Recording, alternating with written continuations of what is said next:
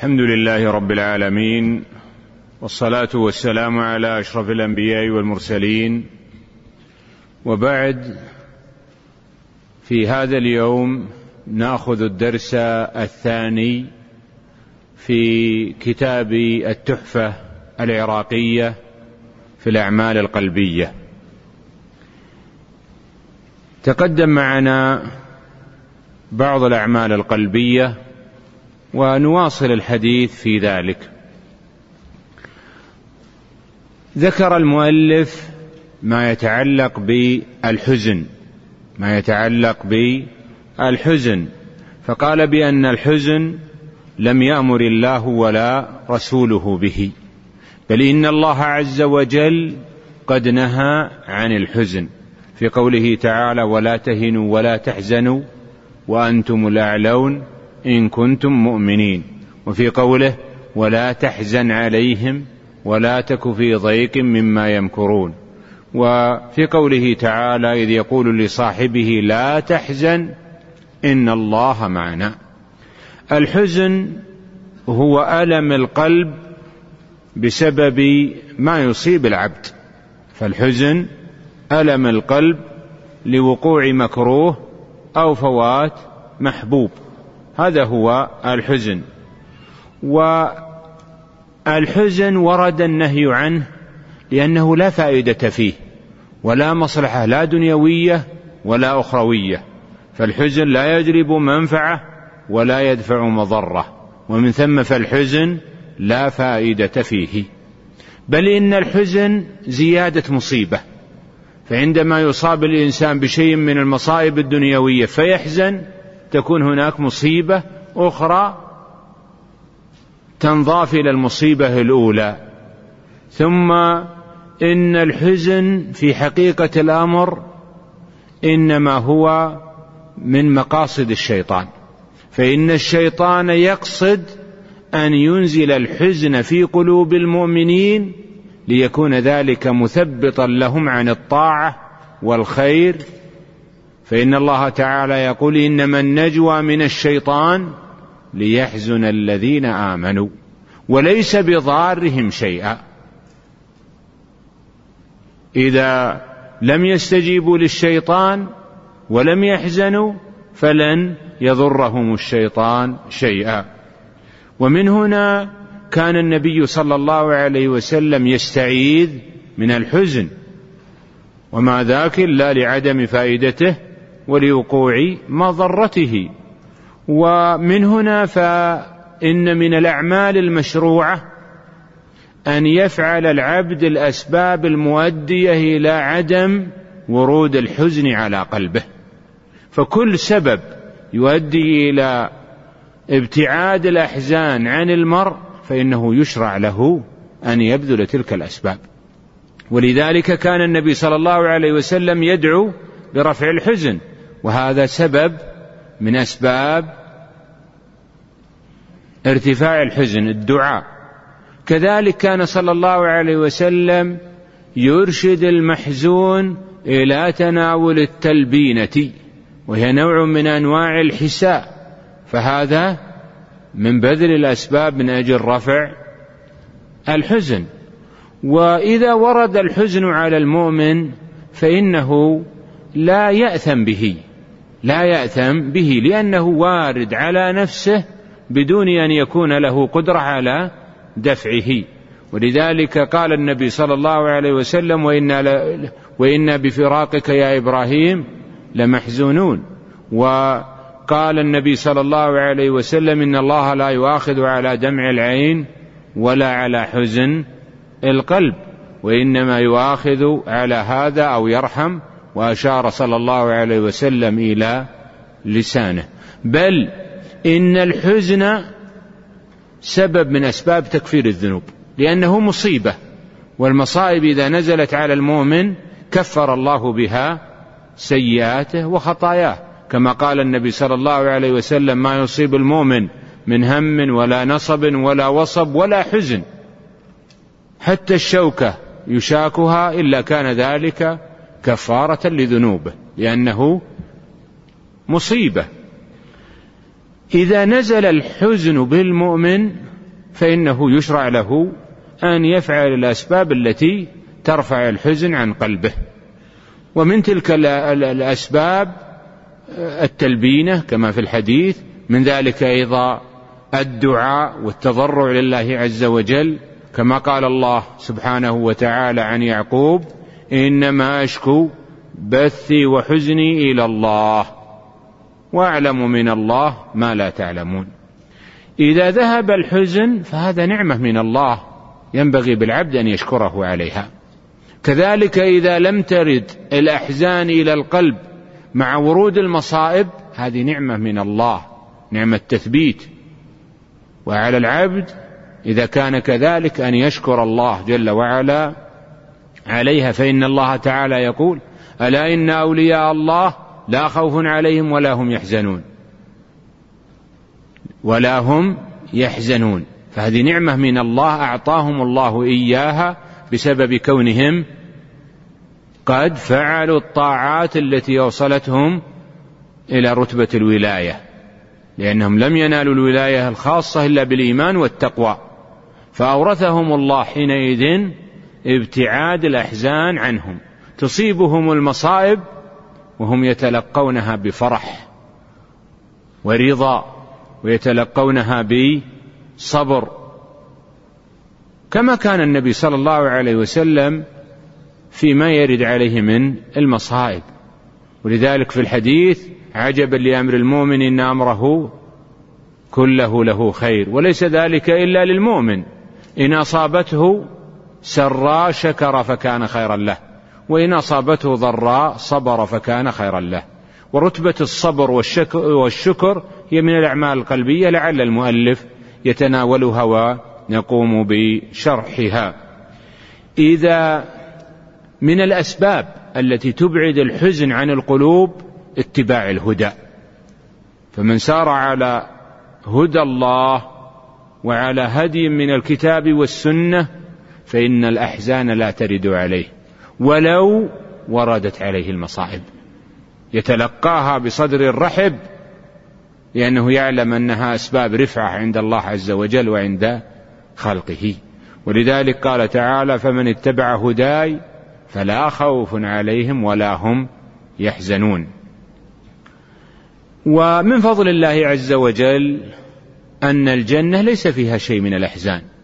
كما قال المؤمنون في الجنة الحمد لله الذي أذهب عنا الحزن. وإذا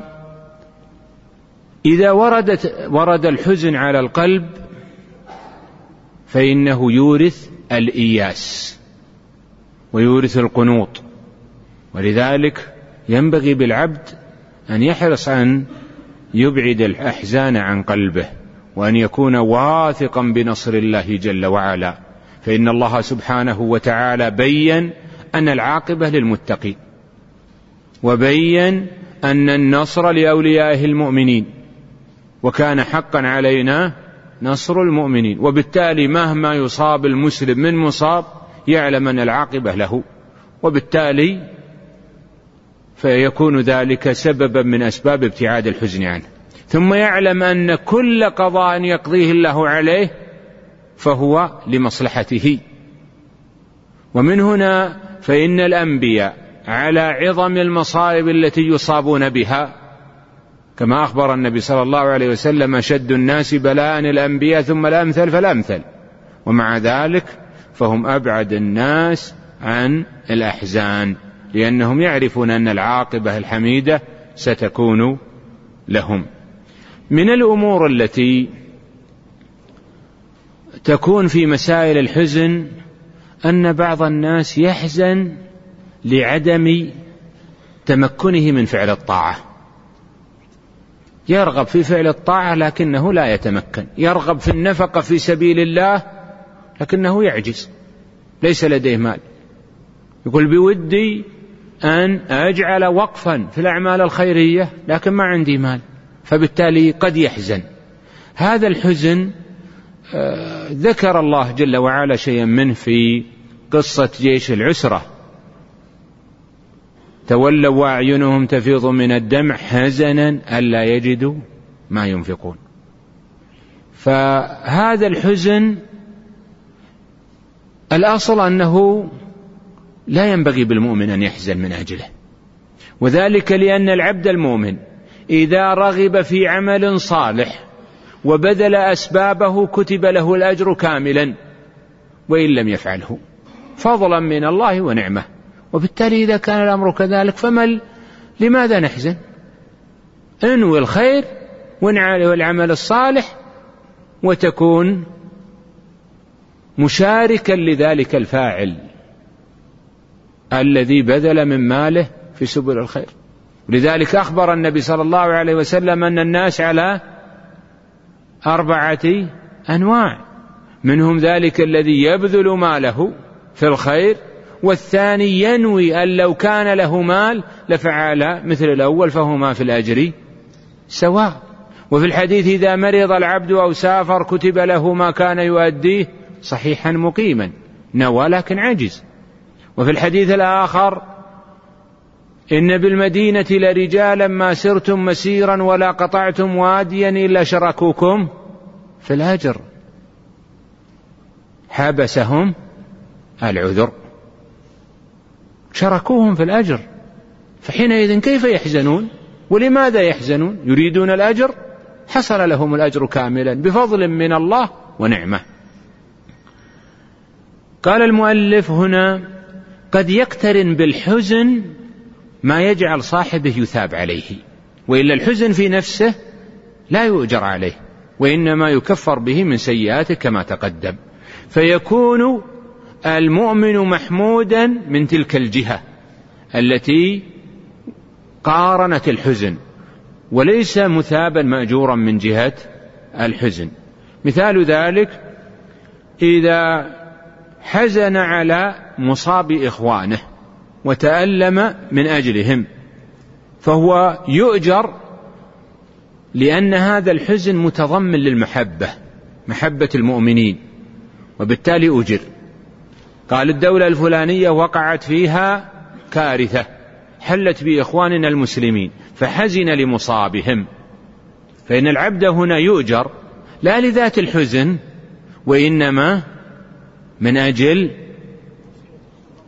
المحبة التي في قلبه التي جعلته يحزن على مصيبة إخوانه. هكذا أيضا قد يصاب المؤمن أو قد يقدم المؤمن على فعل معصية من المعاصي فيحزن عليها يحزن لأنه فعل هذه المعصية. فهنا يؤجر لا لذات الحزن وإنما لأن الحزن هنا متضمن للندم الذي هو قربة من القربات.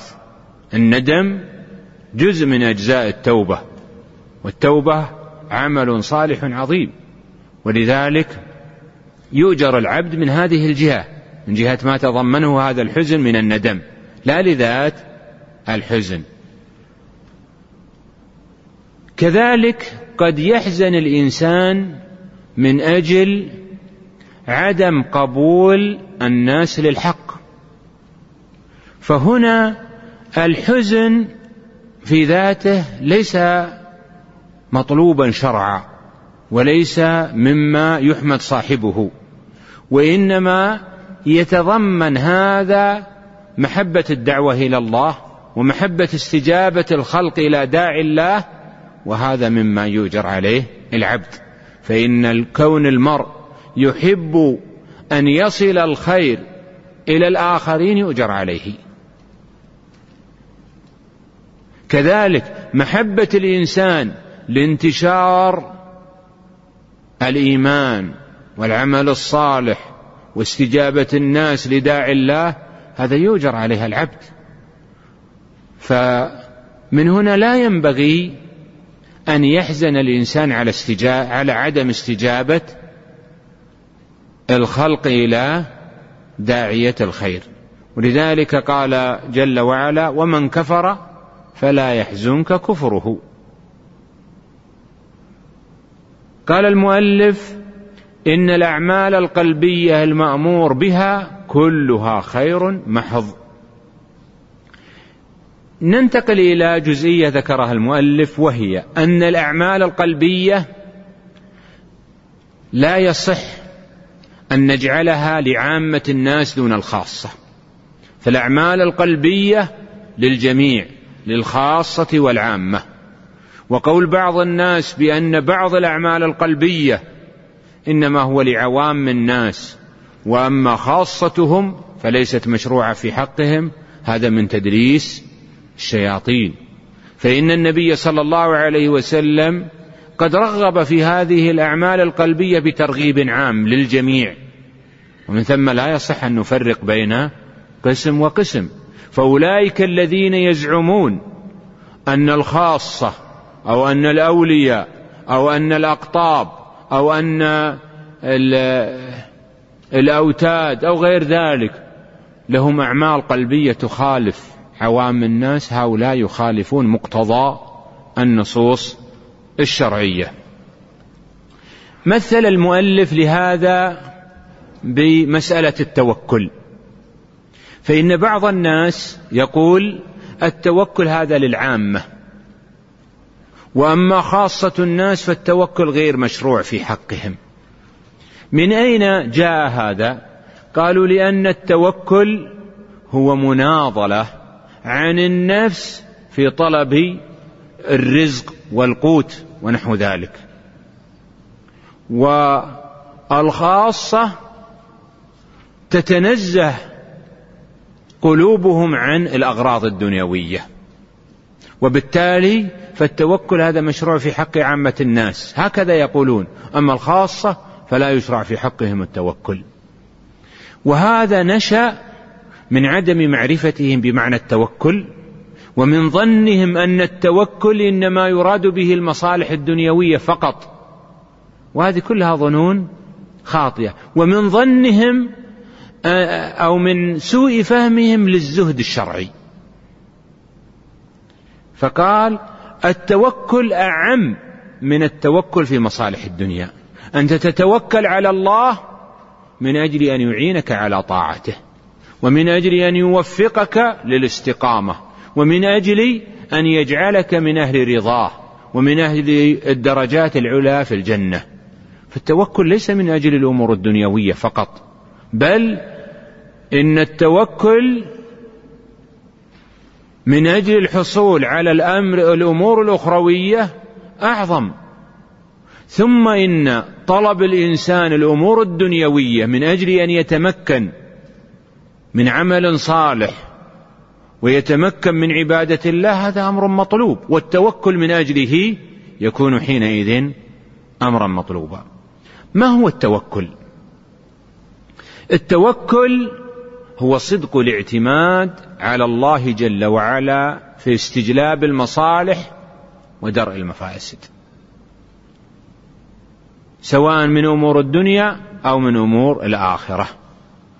أو بعبارة أخرى تفويض الأمور إلى الله جل وعلا والإيقان بأن الله جل وعلا هو المتصرف في الكون بما يشاء. أو نقول بأن بأن التوكل هو الثقة بما عند الله وبما وعد به. فيكون الإنسان واثقا بما عند الله وبوعده أعظم من ثقته بما في يده. يقول أنا معي في يدي مئة ألف لكن ثقتي بما عند الله أعظم من ثقتي بما في يدي لأن ما في يدي قد أفرط فيه إذا لم يكن هناك توفيق. لكن ما عند الله عز وجل إذا وفقني الله في حسن العناية يسر الله لي من أمور الدنيا شيء فوق تصوري. وهكذا أيضا في التوكل فيما يتعلق بصلاة العبد في ليلة أو في نهاره بصيامه في صدقته وفي غير ذلك. التوكل على الله عزيز وقليل ونادر في الناس. ولذلك صقل القلوب من أجل زراعة التوكل يثمر ثمرات عظيمة نافعة. من تلك الثمرات محبة الله جل وعلا للمتوكلين. كما قال جل وعلا والله يحب إن الله يحب المتوكلين. ومن ذلك من فوائد التوكل أن الله جل وعلا يدفع عن العبد الشرور في الدنيا والشرور في الآخرة. فإن الله عز وجل قال والله يكتب ما يبيتون يعني ما يدبرونه من المكر في الليل. والله يكتب ما يبيتون فأعرض عنهم وتوكل على الله وكفى بالله وكيلا. فهذه التخطيطات التي تقوم بها تلك المنظمات من أجل إيصال الشرور لنا لن يضرون شيئا متى توكلنا على الله جل وعلا؟ فنحن لا نخاف منهم. وإنما نخاف من أنفسنا أن تكون غير متوكلة على الله. فمتى توكلنا على الله؟ فحينئذ لن يتمكن أحد من إيصال أي ضرر إلينا. لكن لما غفل الناس عن التوكل ووثقوا بما في أيديهم ولم يثقوا بما وعد الله به تمكن منهم أعداؤهم. فخوفنا على أنفسنا من أنفسنا أعظم من خوفنا على أنفسنا من عدونا. ولذلك قال تعالى وما أصابكم من مصيبة فبما كسبت أيديكم. ما قال بقوة أعدائكم ولا بمهارتهم ولا بتخطيطهم ولا بمكرهم ولا بما يبذلونه من دفع لأموال يشترون بها الذمام ولا ولا وإنما الخشية علينا من أنفسنا. من توكل على الله كفاه. من يتوكل على الله فهو حسبه. يعني أن الله جل وعلا كافيه كذلك من توكل على الله جاءته الأرزاق الدنيوية وهي راغمة. كما قال النبي صلى الله عليه وسلم لو أنكم تتوكلون على الله حق التوكل لرزقكم كما يرزق الطير تغدو خماصا وتروح بطانا. تذهب في أول النهار بطونها خاوية وتعود في آخر النهار بطونها ملأى. من الذي رزقها؟ رب العزة والجلال.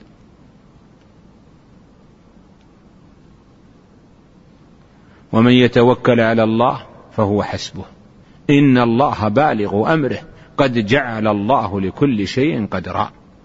كذلك من فوائد التوكل دفع العدو وعدم تمكن العدو من أهل الإسلام. كما قال جل وعلا إن ينصركم الله فلا غالب لكم وإن يخذلكم فمن ذا الذي ينصركم من بعده. وعلى الله فليتوكل المؤمنون. ومن فوائد التوكل تحصيل الإيمان. من كان عنده توكل فهو مؤمن والذي ليس لديه توكل فليس من أهل الإيمان. كما قال جل وعلا وعلى الله فتوكلوا إن كنتم مؤمنين. أصحاب التوكل على الله لا تتمكن منهم الشياطين ولا توسوس في قلوبهم. كما قال جل وعلا عن الشيطان إنه ليس له سلطان على الذين آمنوا وعلى ربهم يتوكلون. المتوكل على الله هانئ البال مستقر القلب. توكلت على من يتمكن من التصرف في الكون كله. توكلت على من إذا أراد شيئا فإنما يقول له كن فيكون. توكلت على من يتصرف في الناس أجمعين في عدوهم في عدونا وصديقنا. وحينئذ كيف يشتغل بالي أو يضطرب قلبي وأنا متوكل عليه؟ وهو وقد وعدني بأنني متى توكلت عليه كان معي مؤيدا ونصيرا. ومن هنا فالتوكل على الله سبب من أسباب العصمة. من الذنوب والمعاصي. لأنه لا تتمكن منك الشياطين. التوكل على الله سبب من أسباب دخول الجنة بلا عذاب ولا حساب. السبعون ألفا الذين يدخلون الجنة بلا عذاب ولا حساب من صفاتهم وعلى ربهم يتوكلون. كذلك التوكل على الله سبب من أسباب وقاية العبد من مصائب الدنيا. اذا كيف ننمي التوكل على الله في قلوبنا؟ كيف نجعل قلوبنا متوكلة على الله عز وجل؟ هناك أسباب. من تلك الأسباب اليقين الكامل بأن ما يحصل في الدنيا هو بقدر من الله. وأن الله هو المتصرف في الكون إذا أراد شيئا فإنما يقول له كن فيكون. إذا عرفت الله بذلك حينئذ تتوكل عليه. وتفوض الأمر إليه جل وعلا. ثم إذا عرفت أن رب العالمين يطلع على أحوال الناس ولا يخفى عليه شيء منها توكلت على ربك. فاعبده وتوكل عليه وما ربك بغافل عما تعملون. كذلك إذا نظر الإنسان في التاريخ من عهد آدم عليه السلام وجد أن أولياء الله لما توكلوا عليه نصرهم الله. إبراهيم عليه السلام لما ألقي في النار ما, ما هي كلمته؟ حسبي الله ونعم الوكيل. حسبي يعني كافي. هذا توكل وتفويض الأمر إلى الله. اسمع قول الله تعالى. الذين قال لهم الناس إن الناس قد جمعوا لكم فاخشوهم فزادهم إيمانا. وقالوا حسبنا الله ونعم الوكيل. فانقلبوا بنعمة من الله وفضل لم يمسسهم سوء. تعرفون القصة بعد معركة أحد جاءت معركة حمراء الأسد. لما رجع قريش وبعد غزوة أحد واجتمعوا في مكان قالوا أنتم قد أصبتم من محمد كيف لم تستأصلوهم؟ عودوا إليهم. المسلمون قد أثخنتهم الجراح بعد أحد. فتجمع تجمعت قريش ومن معهم من القبائل يريدون أن يعودوا للنبي صلى الله عليه وسلم وأن يستأصلوا المسلمين.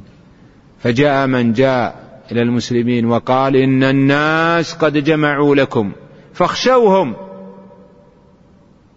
خافوا من الناس. فقالوا حسبنا الله ونعم الوكيل. كافينا رب العالمين. فوضنا الأمر إلى الله اعتمدنا على الله. ثم خرج النبي صلى الله عليه وسلم بأصحابه فهرب أولئك القوم. وقالوا يكفينا ما قد حصل عليهم سابقا. فانقلبوا بنعمة من الله وفضل لم يمسسهم سوء. واتبعوا رضوان الله. إذا نظر الإنسان في التاريخ وجد ذلك جليا النبي صلى الله عليه وسلم يخرج من مكة طريدا شريدا يجعل في من يأتي به حيا أو ميتا مئة من الإبل. حتى جاءوا في الغار القلب يرجف. لا تحزن إن الله معنا. توكل على الله وتفويض الأمر على الله إلى الله جل وعلا. ما هي العاقبة؟ بعد ثمان سنوات يعود النبي صلى الله عليه وسلم إلى مكة يأملون في عفوه عنهم. ثمان سنوات في ميزان التاريخ ليست بشيء. لكن أين الرجال الذين يتصفون بتلك الصفات؟ أين النساء اللاتي يتصفن بتلك الصفات؟ إذا هذا الإشكالية من هنا. إذا كان العبد ينتظر نصر الله أورث ذلك توكلا على الله. فإن العبد المؤمن يجزم بأن الله ينصر عباده المؤمنين. ولقد سبقت كلمتنا لعبادنا المرسلين إنهم لهم المنصورون وإن جندنا لهم الغالبون. أسأل الله أن يجعلنا وإياكم من جنده. إذا نظر الإنسان لمثل هذه النصوص ونظر للشواهد عرف أن التوكل على الله له ثمرات عظيمة. وعد الله جل وعلا وعدا صادقا. وعد المتوكلين بأن يكون كافيا لهم من كل شيء. فإذا لاحظ الإنسان هذا الوعد صدق به وآمن به وبالتالي أورثه تقوى وتوكلا في قلبه. إذا قولهم بأن التوكل للعامة وليس للخاصة هذا قول خاطئ وباطل. لأن التوكل ليس من أجل أمور الدنيا فقط بل حتى في أمور العبادة. أنا أتوكل على الله من أجل أن يعينني على الطاعة من أجل أن يعينني على نشر العلم من أجل أن يعينني على النفقة والبذل في سبيله. كذلك التوكل على الله جل وعلا وظيفة المرسلين. إذا كان الله سبحانه وتعالى يقول لنبيه وتوكل على الله إنك على الحق المبين. فحينئذ كيف يقال إن الخاصة لا يطلب منهم ما طلب من النبي صلى الله عليه وسلم؟ بل خاصة الخاصة هم الذين يتوكلون على الله. من لم يكن من المتوكلين فليس من المؤمنين. فتوكل على الله إنك على الحق المبين. انظر في قوله تعالى إياك نعبد وإياك نستعين. إياك نعبد هذا إخلاص. وإياك نستعين هذا توكل.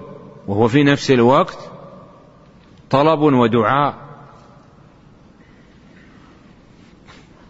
أشار المؤلف إلى ما يتعلق بالعباده وقال إن العبادة هي الغاية التي خلق الله العباد من من أجلها.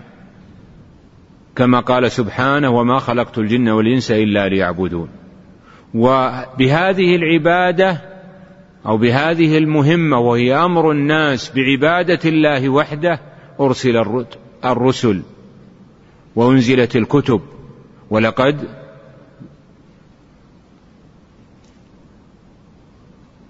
كما قال الأنبياء ألا تعبدوا إلا الله.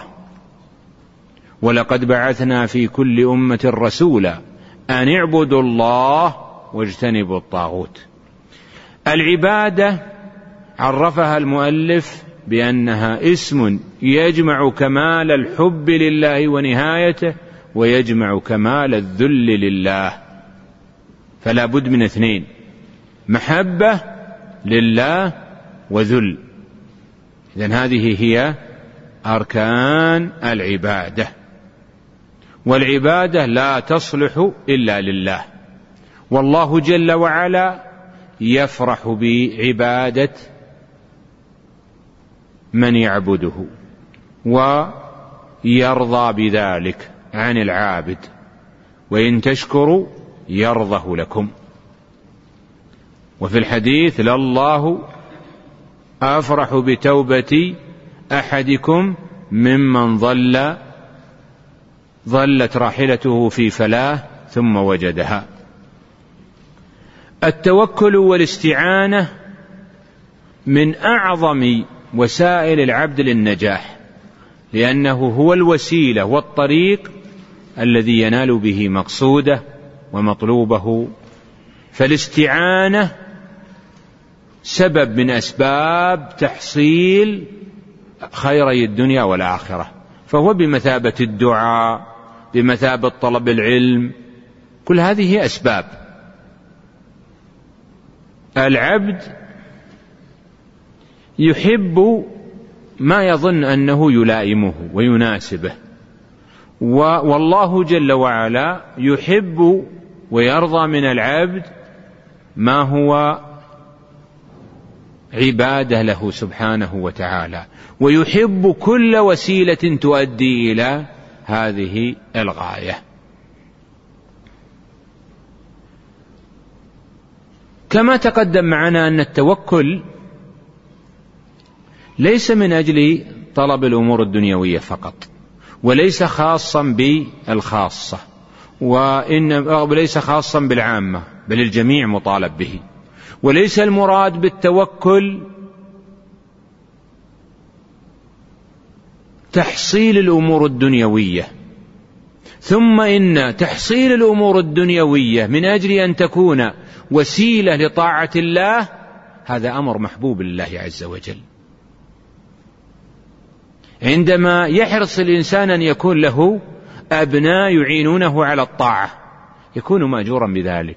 عندما يكتسب من أجل أن يكون ما يحصله من مال معينا على إعفاف نفسه وعلى النفقة الواجبة عليه وعلى البذل في سبيل الله يكون مأجورا. وظن بعض الناس أن ترك الدنيا من الأمور المحبوبة شرعا هذا ظن خاطئ وليس هو الزهد الشرعي. الذي جاءت النصوص بالترغيب فيه. إذن الزهد هو عدم رغبة القلب فيما لا ينفع في الآخرة. أما إذا كان الاكتساب والحصول على الدنيا ينفع الإنسان في الآخرة فيكون حينئذ الاكتساب وتحصيل الدنيا أمرا محبوبا لله عز وجل لأنه وسيلة إلى الطاعة. ولذلك قال الله جل وعلا وما أموالكم ولا أولادكم بالتي تقربكم عندنا زلفى إلا من عمل صالحا. ثم قال فأولئك لهم جزاء الضعف بما عملوا وهم في الغرفات آمنون. اذا من حصل المال من أجل العمل الصالح فإنه يكون من أهل الغرفات من الآمنين في منازل الجنة.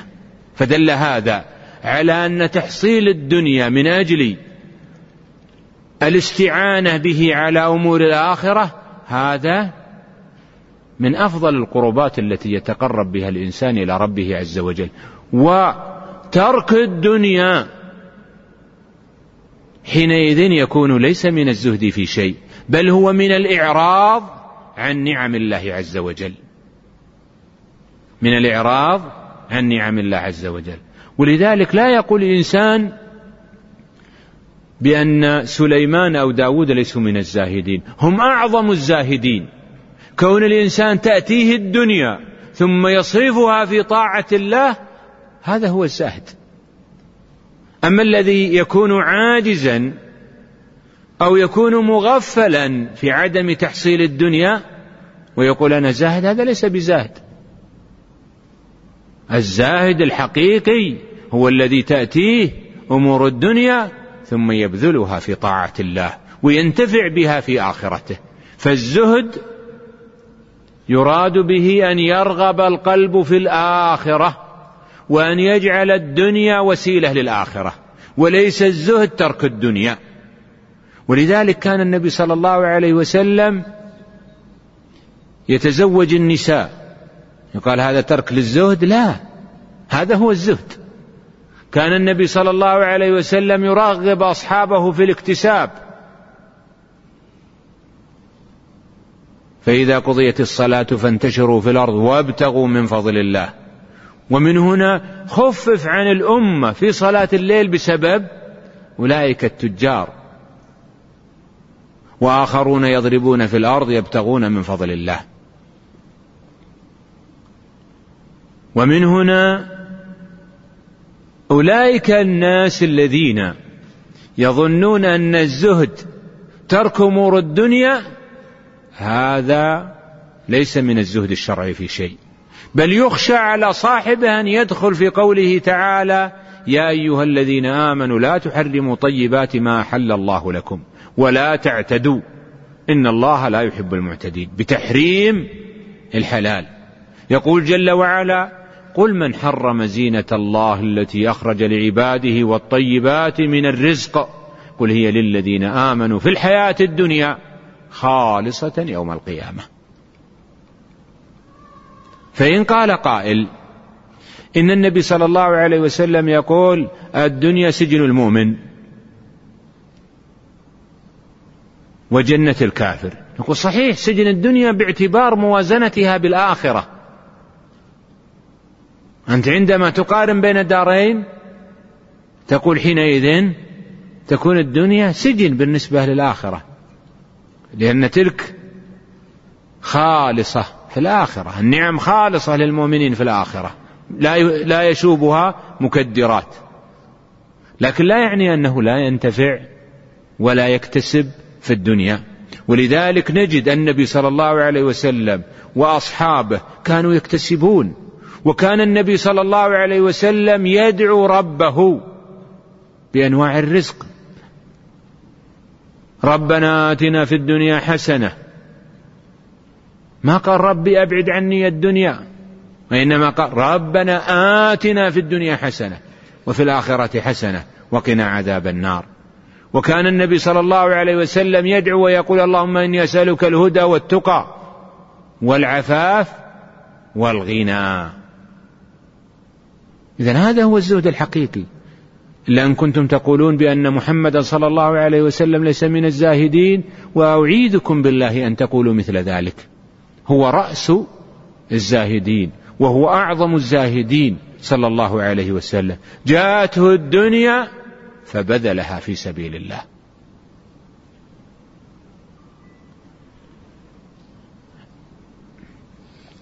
قال اذا ما هي ما الفرق بين الورع والزهد؟ وهو ما أشار إليه المؤلف هنا. قال الزهد ترك الرغبة فيما لا ينفع في الدار الآخرة. أو أن نقول الزهد نظرة القلب للآخرة. يكون مقصود الإنسان الآخرة. يستعمل الدنيا وسيلة وسيلة زراعة الآخرة. هذا هو الزهد. ليس الزهد بترك الدنيا بل الزهد استعمال أمور الدنيا في طاعة الله عز وجل. أما الورع فهو ترك ما قد يضر في الدار الآخرة. المباحات التي لا تنتفع بها في الآخرة تركها زهد لكنه ليس بورع. الورع ترك ما يضر في الآخرة والزهد الاقتصار على ما ينفع في الآخرة. يبقى عندنا ما ليس بنافع ولا ضار في الآخرة. هذا ينافي الزهد لكنه لا ينافي الورع الذين يلهون بأنواع اللهو المباح هذا اللهو ينافي الزهد لكنه لا ينافي الورع يلعب كورة. لماذا تلعب الكرة؟ قال أنا أريد أن أقوي بدني تقربا لله عز وجل. حينئذ هذا لا ينافي الزهد لأنه قد نظر قلبه للآخرة. قال أنا قال الثاني أنا ألعب من أجل سعة خاطري. أريد أن أبعد عني الملل والسآمة. فنقول حينئذ هذا ليس من الزهد في شيء.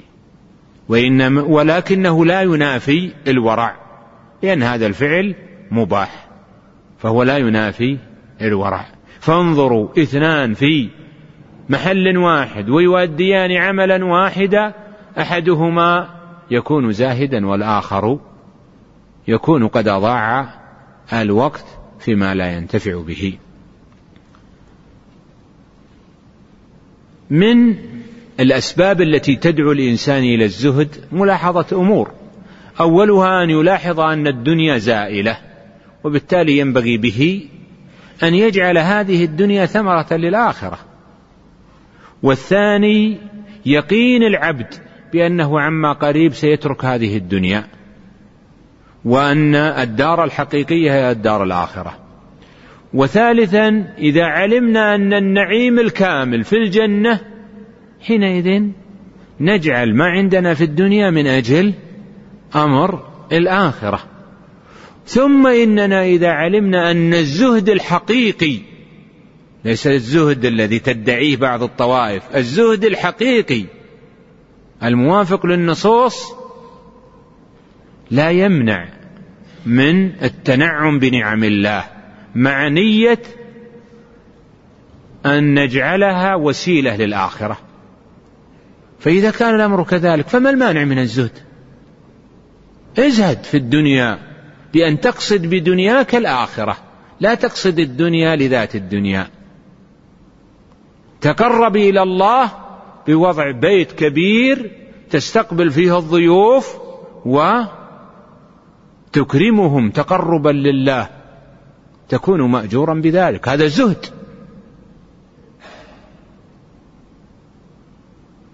ما يقول الإنسان هذا البيت الكبير الفخم كيف يدعي الزهد ثم عنده هذا البيت الكبير؟ بل هذا البيت الكبير الذي وضعته من أجل استقبال الناس لترتفع درجتك عند الله وتحصل على الأجر الأخروي هذا هو الزهد بعينه. وأما لبس الثوب المرقع واللبس وسكن الدار الضيقة هذا ليس من الزهد في شيء. بل هذا يخالف هدي النبي صلى الله عليه وسلم ويخالف الطريقة الشرعية في مفهوم الزهد. إذا قارن الإنسان بين الدنيا والآخرة حينئذ يكون من الزاهدين لأنه يعلم أن الدار الحقيقية هي الآخرة وأن الدار الدنيا زائلة والآخرة خير وأبقى. قل متاع الدنيا قليل والآخرة خير لمن اتقى. إذا عرفنا حقيقة الزهد لأن بعض الناس يلبس ويدعي أن الزهد يدل على معنى بخلاف ما تدل عليه النصوص الشرعية. بعض الناس يقول بأن التوكل غير مرغب فيه بالنسبة للخاصة لأن التوكل كأنه جلب محاولة استجلاب شيء من أمور الدنيا بينما القدر قد فرغ منه. وبالتالي فلأي شيء تقوم بالتوكل من أجل الانتصار على عدو الإسلام أو التوكل من أجل استجلاب النعم. الجميع قد قدر. فهنا معارضة للأسباب بالقدر. وهذا نقص في العقل ونقص في الديانة. لو جاءك إنسان وقال أنا لن أفعل أي سبب خوفا من أو لأن الأقدار قد انتهي منها وفرغ منها. فنقول هذا خطأ. بل بذل الأسباب مأمور به شرعا. والله جل وعلا قد قدر السبب وقدر المسبب. ومن أنواع بذل الأسباب التوكل على الله جل وعلا. ومن أنواعها أيضا الدعاء. فالتوكل فقول بعضهم التوكل والدعاء. لا يجلب منفعه ولا يدفع مضره وإنما هو عبادة محضة. هذا قول فاسد يخالف النصوص الشرعية.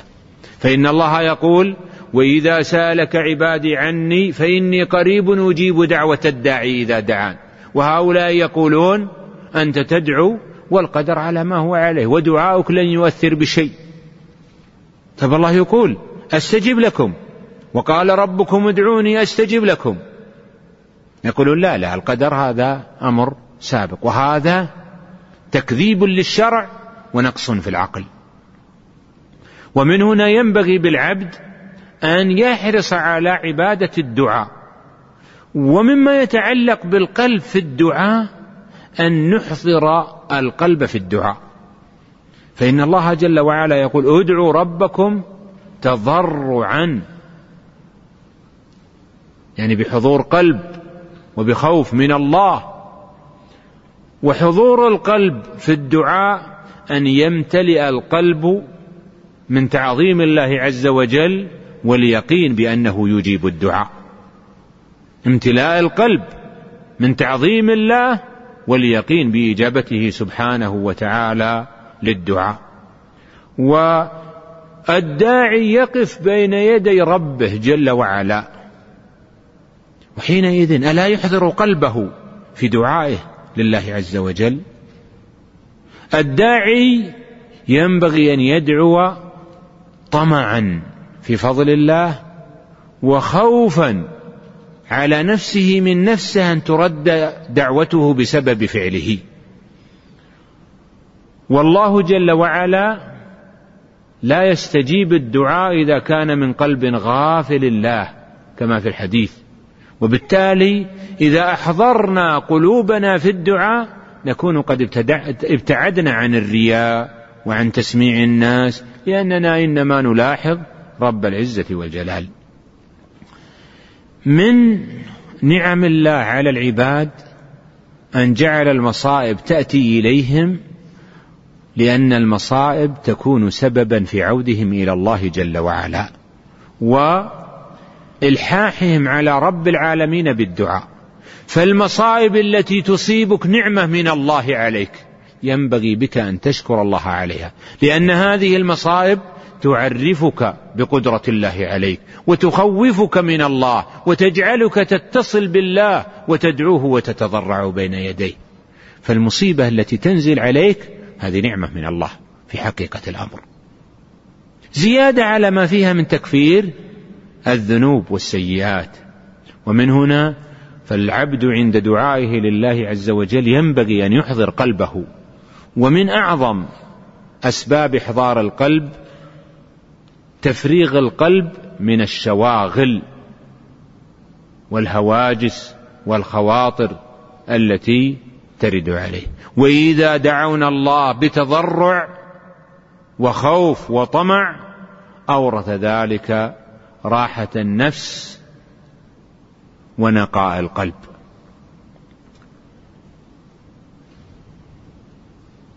القاعدة التي ذكرتها قبل قليل وهي قاعدة المعارضة بين فعل الأسباب وبين الإيمان بالقدر.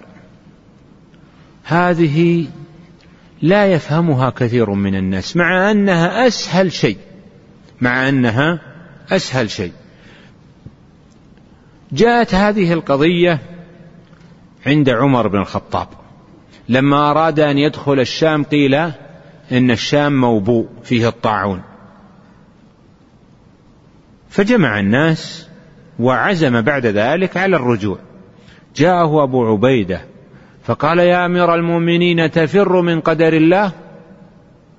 ماذا قال؟ قال نعم أفر من قدر الله إلى قدر الله. ثم قال له أرأيت لو كان عندك واد له عدوتان طرفان. إحداهما مخصبة والأخرى مجدبة. مخصبة فيها زرع ومجدبة ليس فيها زرع. أليس إذا رعيت المخصبة رعيتها بقدر الله وإذا رعيت المجدبة رعيتها بقدر الله؟ قال نعم. ولذلك لما جاء في بعض الآثار أن سارقا سرق فأتي به فأمر بقطع يده. فقال إنما سرقت بقدر الله. فقيل له وكذلك نقطع يدك بقدر الله. وحينئذ ففعل السبب لا ينافي الإيمان بالقدر. والعقلاء لا زالوا في جميع أمورهم يفعلون الأسباب ولا يقولون سنقف لأن كل شيء مقدر. هل سمعتم بإنسان يقول سأقف في وسط الطريق وإذا صدمتني سيارة فهذا بقدر الله؟ ما ليس هناك عاقل يفعل مثل هذا الفعل. يقول لك القائل ما دام الأمر كذلك وتقول أنا سأترك الأسباب ومنها الدعاء والتوكل من أجل القدر أعطني رأسك أضربه. لماذا؟ لأن هذا إيش؟ من قدر الله. فكيف تهرب من قدر الله جل وعلا؟ فالله سبحانه وتعالى هو الذي يقدر الأقدار وهو في نفس الوقت هو الذي يقدر الأسباب. والأقدار لا تكون إلا بأسباب. ومن هنا قال النبي صلى الله عليه وسلم لما قيل له في هذا قال اعملوا فكل ميسر لما خلق له. المقصود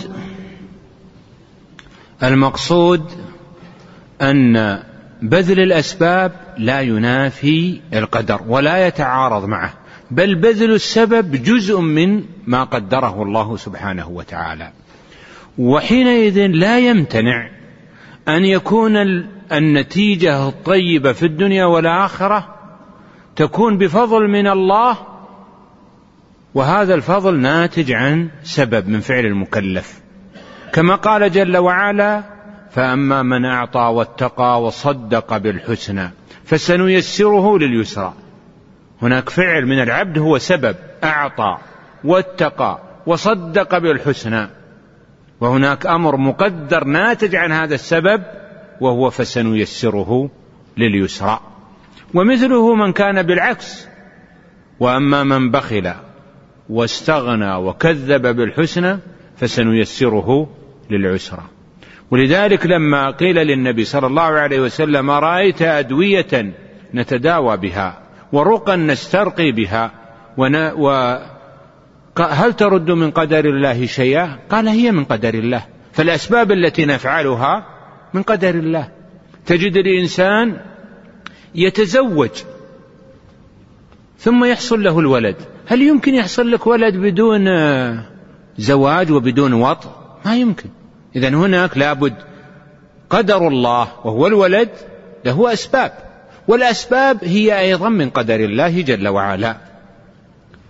وذكر المؤلف بين من هنا ينبغي أن نلاحظ أن هناك أمور قدرية وهناك أسباب.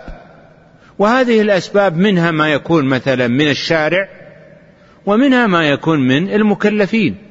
وبالتالي ينبغي أن نفرق بين الأمر القدري الكوني والأمر الشرعي الديني سواء في الأوامر أو في غيره. عندك مثلا إن الله يأمر بالعدل والإحسان. هذا أمر شرعي. قد يحصل قد يمتثله العباد وقد لا يمتثلونه. بخلاف الأمر الكوني كما في قوله إنما أمره إذا أراد شيئا أن يقول له كن فيكون. وإذا أردنا أن نهلك قرية أمرنا متر فيها. هذا أمرنا أمر كوني وليس امرا شرعيا. أمرنا متر فيها ففسقوا فيها. فحق عليها القول فدمرناها تدميرا. مثل أيضا الإرادة. هناك إرادة شرعية كقوله يريد الله بكم اليسر. وهناك إرادة قدرية كما في قوله إنما أمره إذا أراد شيئا أن يقول له كن فيكون. كذلك الإذن. هناك إذن شرعي كما في قوله ما قطعتم من لينة أو تركتموها قائمة على أصولها فبإذن الله.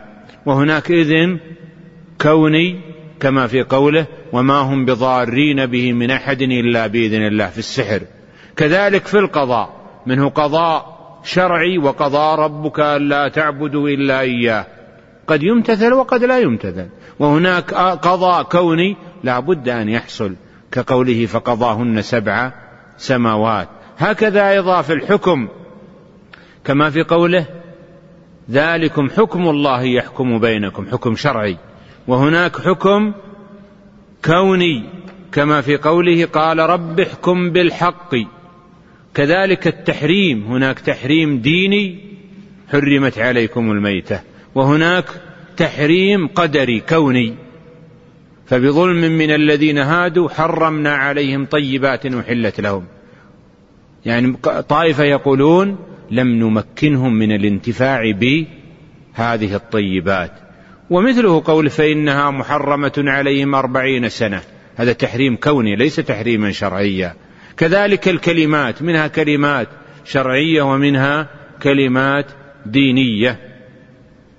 فالمقصود أن النبي صلى الله عليه وسلم بين فيما سبق أن العواقب التي خلق الناس لها جنة ونار. هذه العواقب من سعادة وشقاوة ييسر الناس لها بسبب الأعمال التي يؤدونها. اعملوا فكل ميسر لما خلق له. وهذا مع أن الله جل وعلا قادر مع أن الله جل وعلا قادر على إيقاع الأقدار بدون أسباب. لكن من حكمته جل وعلا أن جعل الأقدار مرتبطة بأسبابها. والله خلق المقدر وخلق أسبابه. مثال ذلك. مثلنا قبل قليل بمسألة الولد.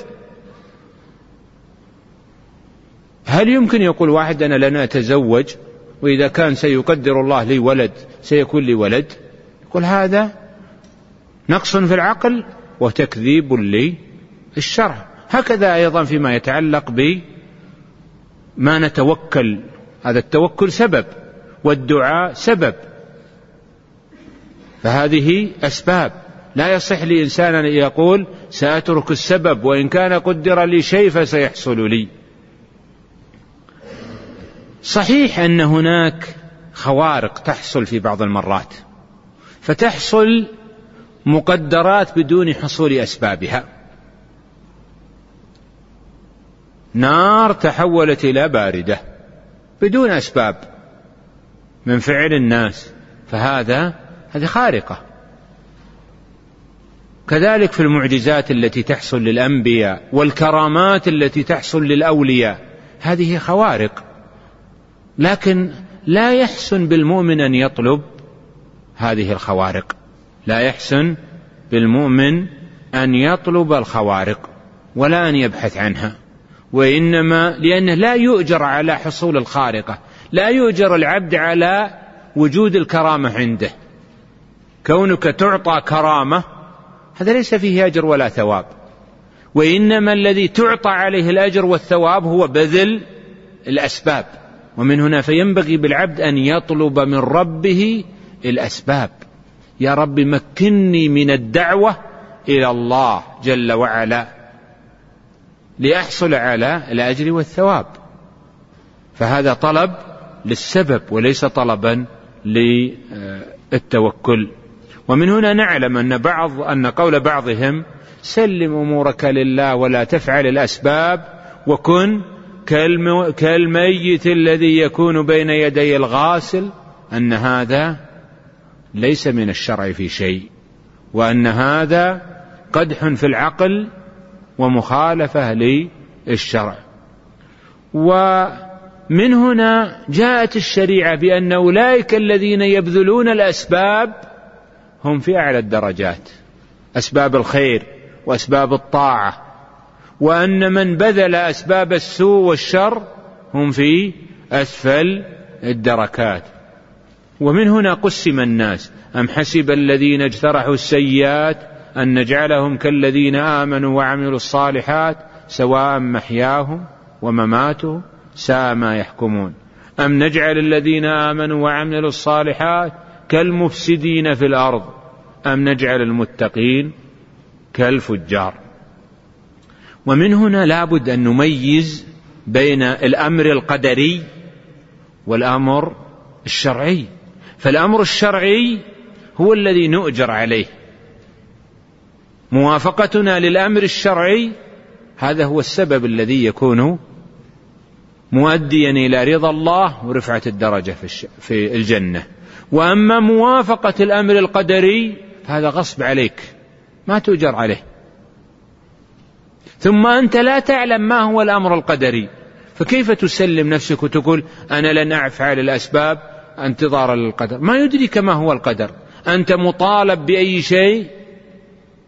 ببذل السبب. وأما موافقة القدر فهذا أمر حاصل حاصل. وبالتالي لا يجوز لإنسان أن يقول أنا سأوافق القدر. لأن ما يقدره الله عليك هو القدر. وإنما الذي تطالب به فعل الأسباب. ومن هنا نعلم أن هذا هذا الموطن أنتج شرا عظيما عند أولئك الذين لا يفرقون بين الأمر الشرعي والأمر القدري. فيقول أنا قدر الله علي المعصية إذا المعصية مما يحبه الله. لأن الله قدرها والله لا يقدر شيئا لا يريده. نقول لا يريده كونا.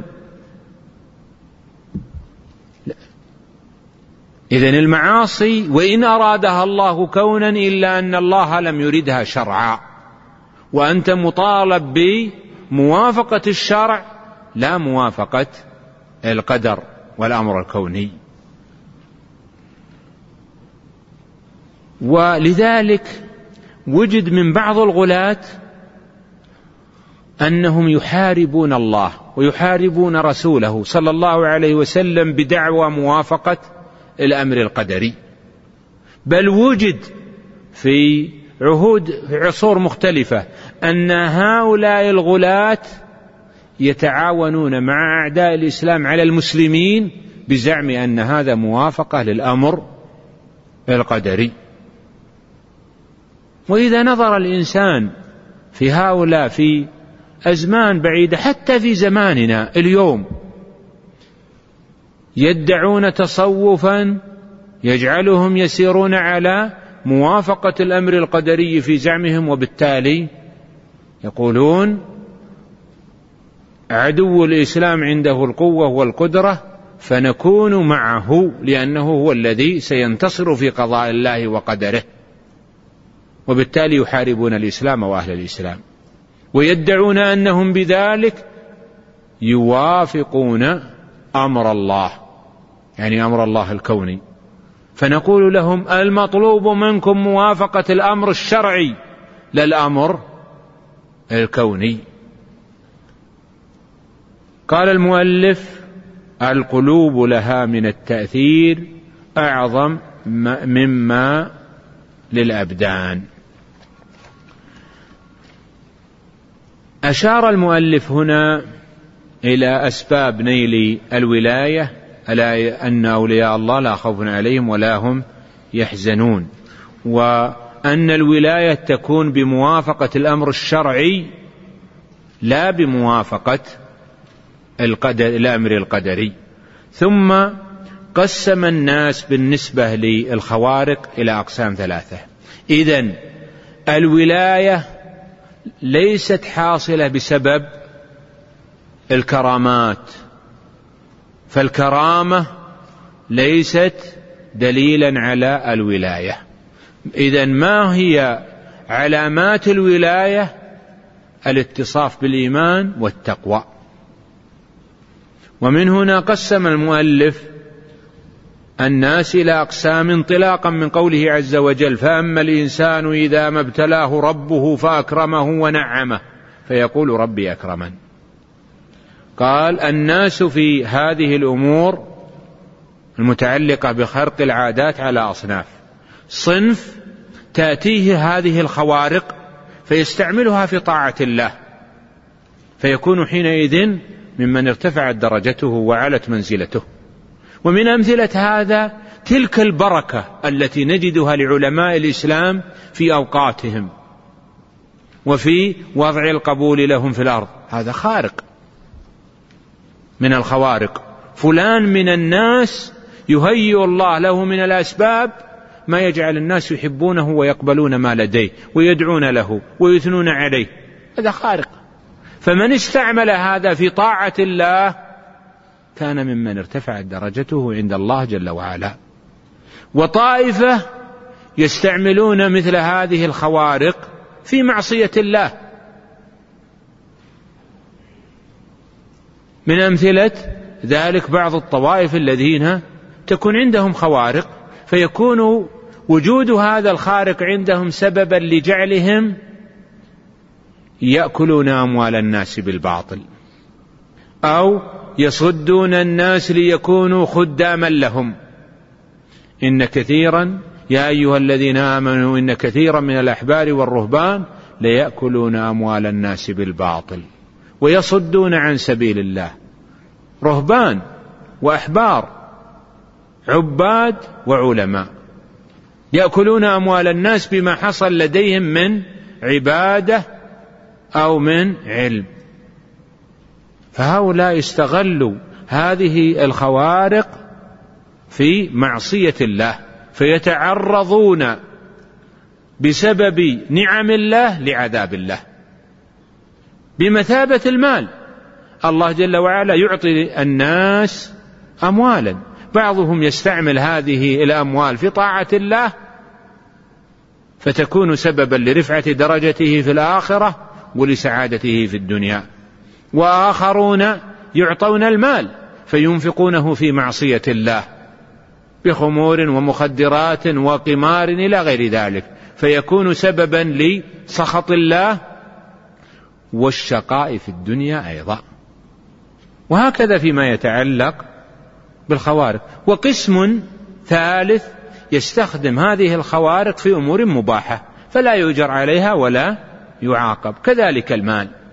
فالذين استعملوا هذه الخوارق في طاعة الله هؤلاء هم المؤمنون حقا المتبعون لنبيهم صلى الله عليه وسلم. جاء في الحديث أن النبي صلى الله عليه وسلم قال المؤمن القوي خير وأحب إلى الله من المؤمن الضعيف.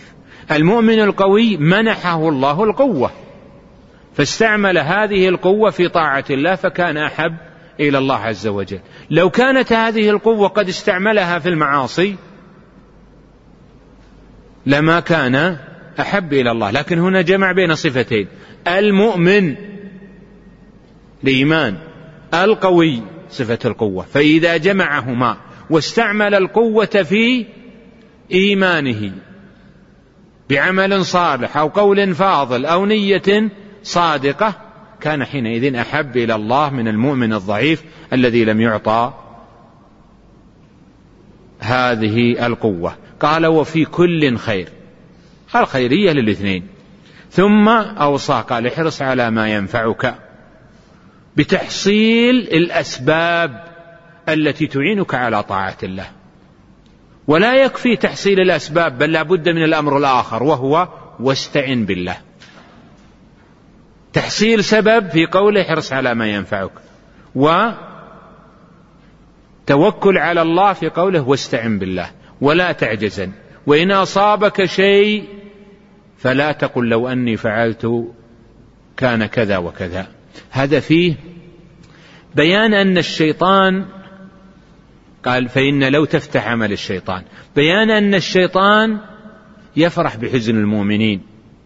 على فوات الأعمال الصالحة التي فوتوها. وبالتالي يتمكن من المؤمنين بسبب ذلك. ذكر المؤلف أيضا ما يتعلق بالاستطاعة. الاستطاعة على نوعين. استطاعة سابقة للفعل وهي التي تكون شرطا في التكاليف. كما في قوله تعالى ولله على الناس حج البيت من استطاع إليه سبيلا. مراد الاستطاعة المالية عند جمهور أهل العلم. هذه استطاعة سابقة لفعل المكلف به. وهناك استطاعة مقارنة للفعل. الاستطاعة السابقة هي الأسباب.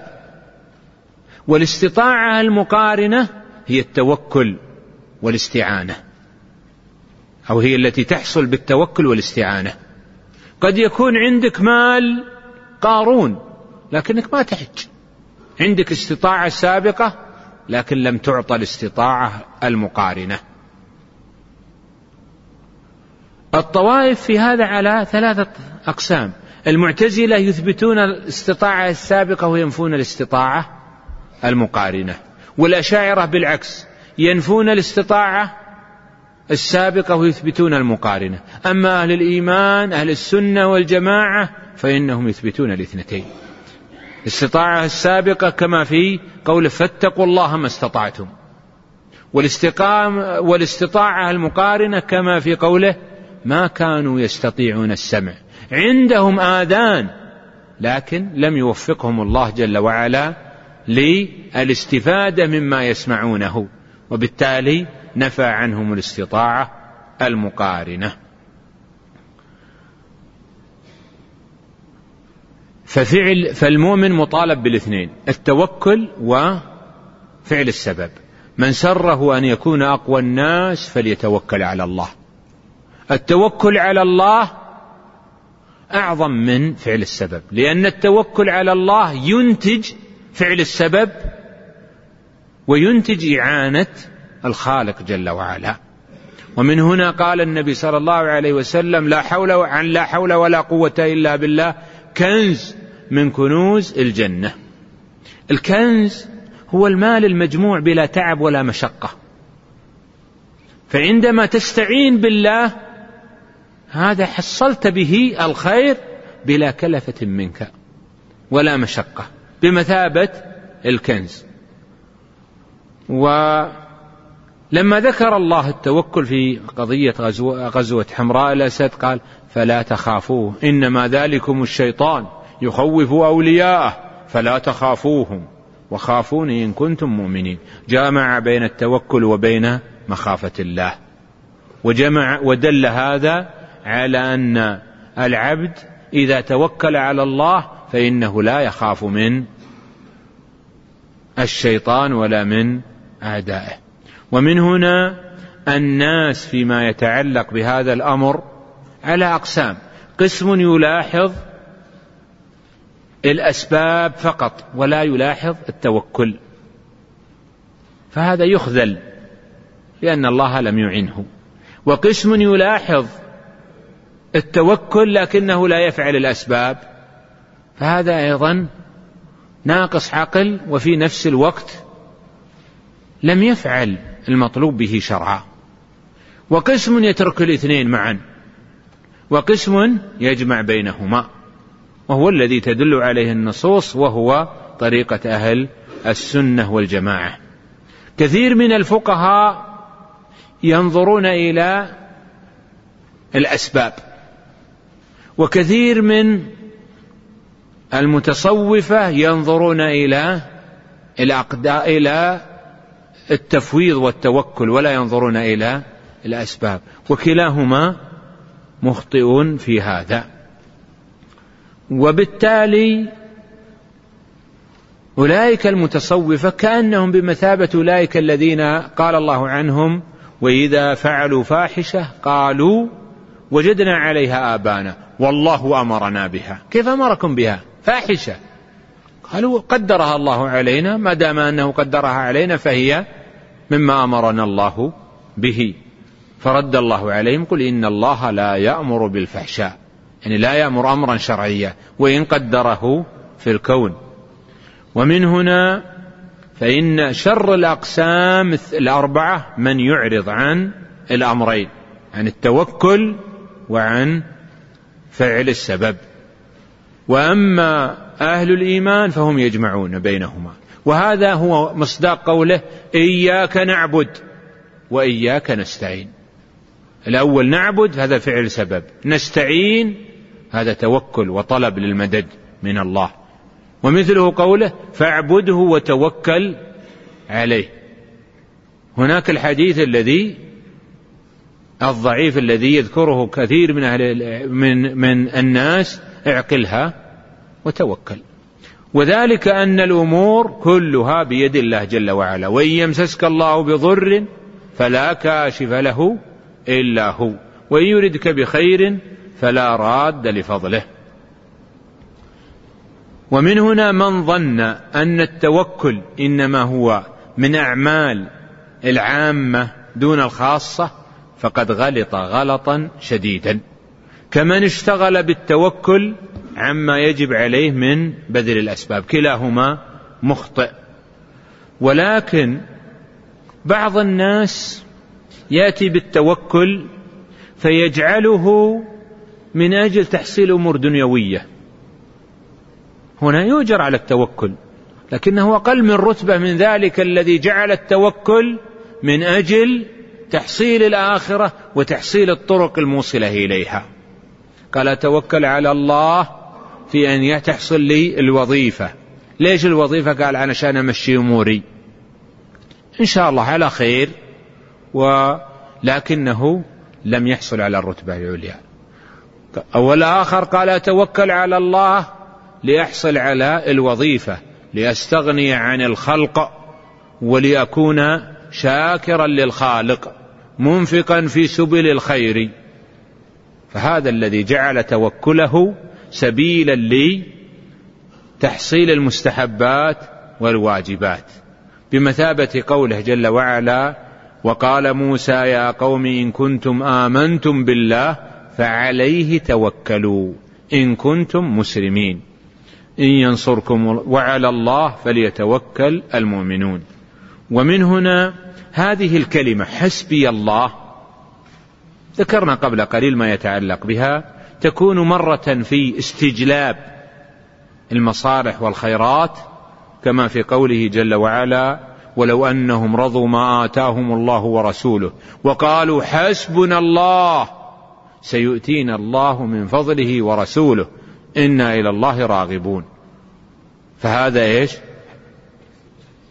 توكل من أجل استجلاب المنافع. وقد يكون توكل من أجل دفع المضار. يا أيها النبي حسبك الله ومن اتبعك من المؤمنين. هذه جاءت في سياق الآية المتحدثة عن الجهاد والقتال. وإن يريدوا أن يخدعوك فإن حسبك الله والذي أيدك بنصره وبالمؤمنين. أسأل الله جل وعلا أن يوفقنا وإياكم لخيري الدنيا والآخرة وأن يجعلنا وإياكم من الهداة المهتدين وأن يصلح قلوبنا وأن يجعلها متوكلة عليه جل وعلا كما أسأله جل وعلا أن يوفقنا لفعل الأسباب الموصلة لرضاه المقتضية لرفعة الدرجة عنده. هذا والله أعلم وصلى الله على نبينا محمد وعلى آله وصحبه أجمعين.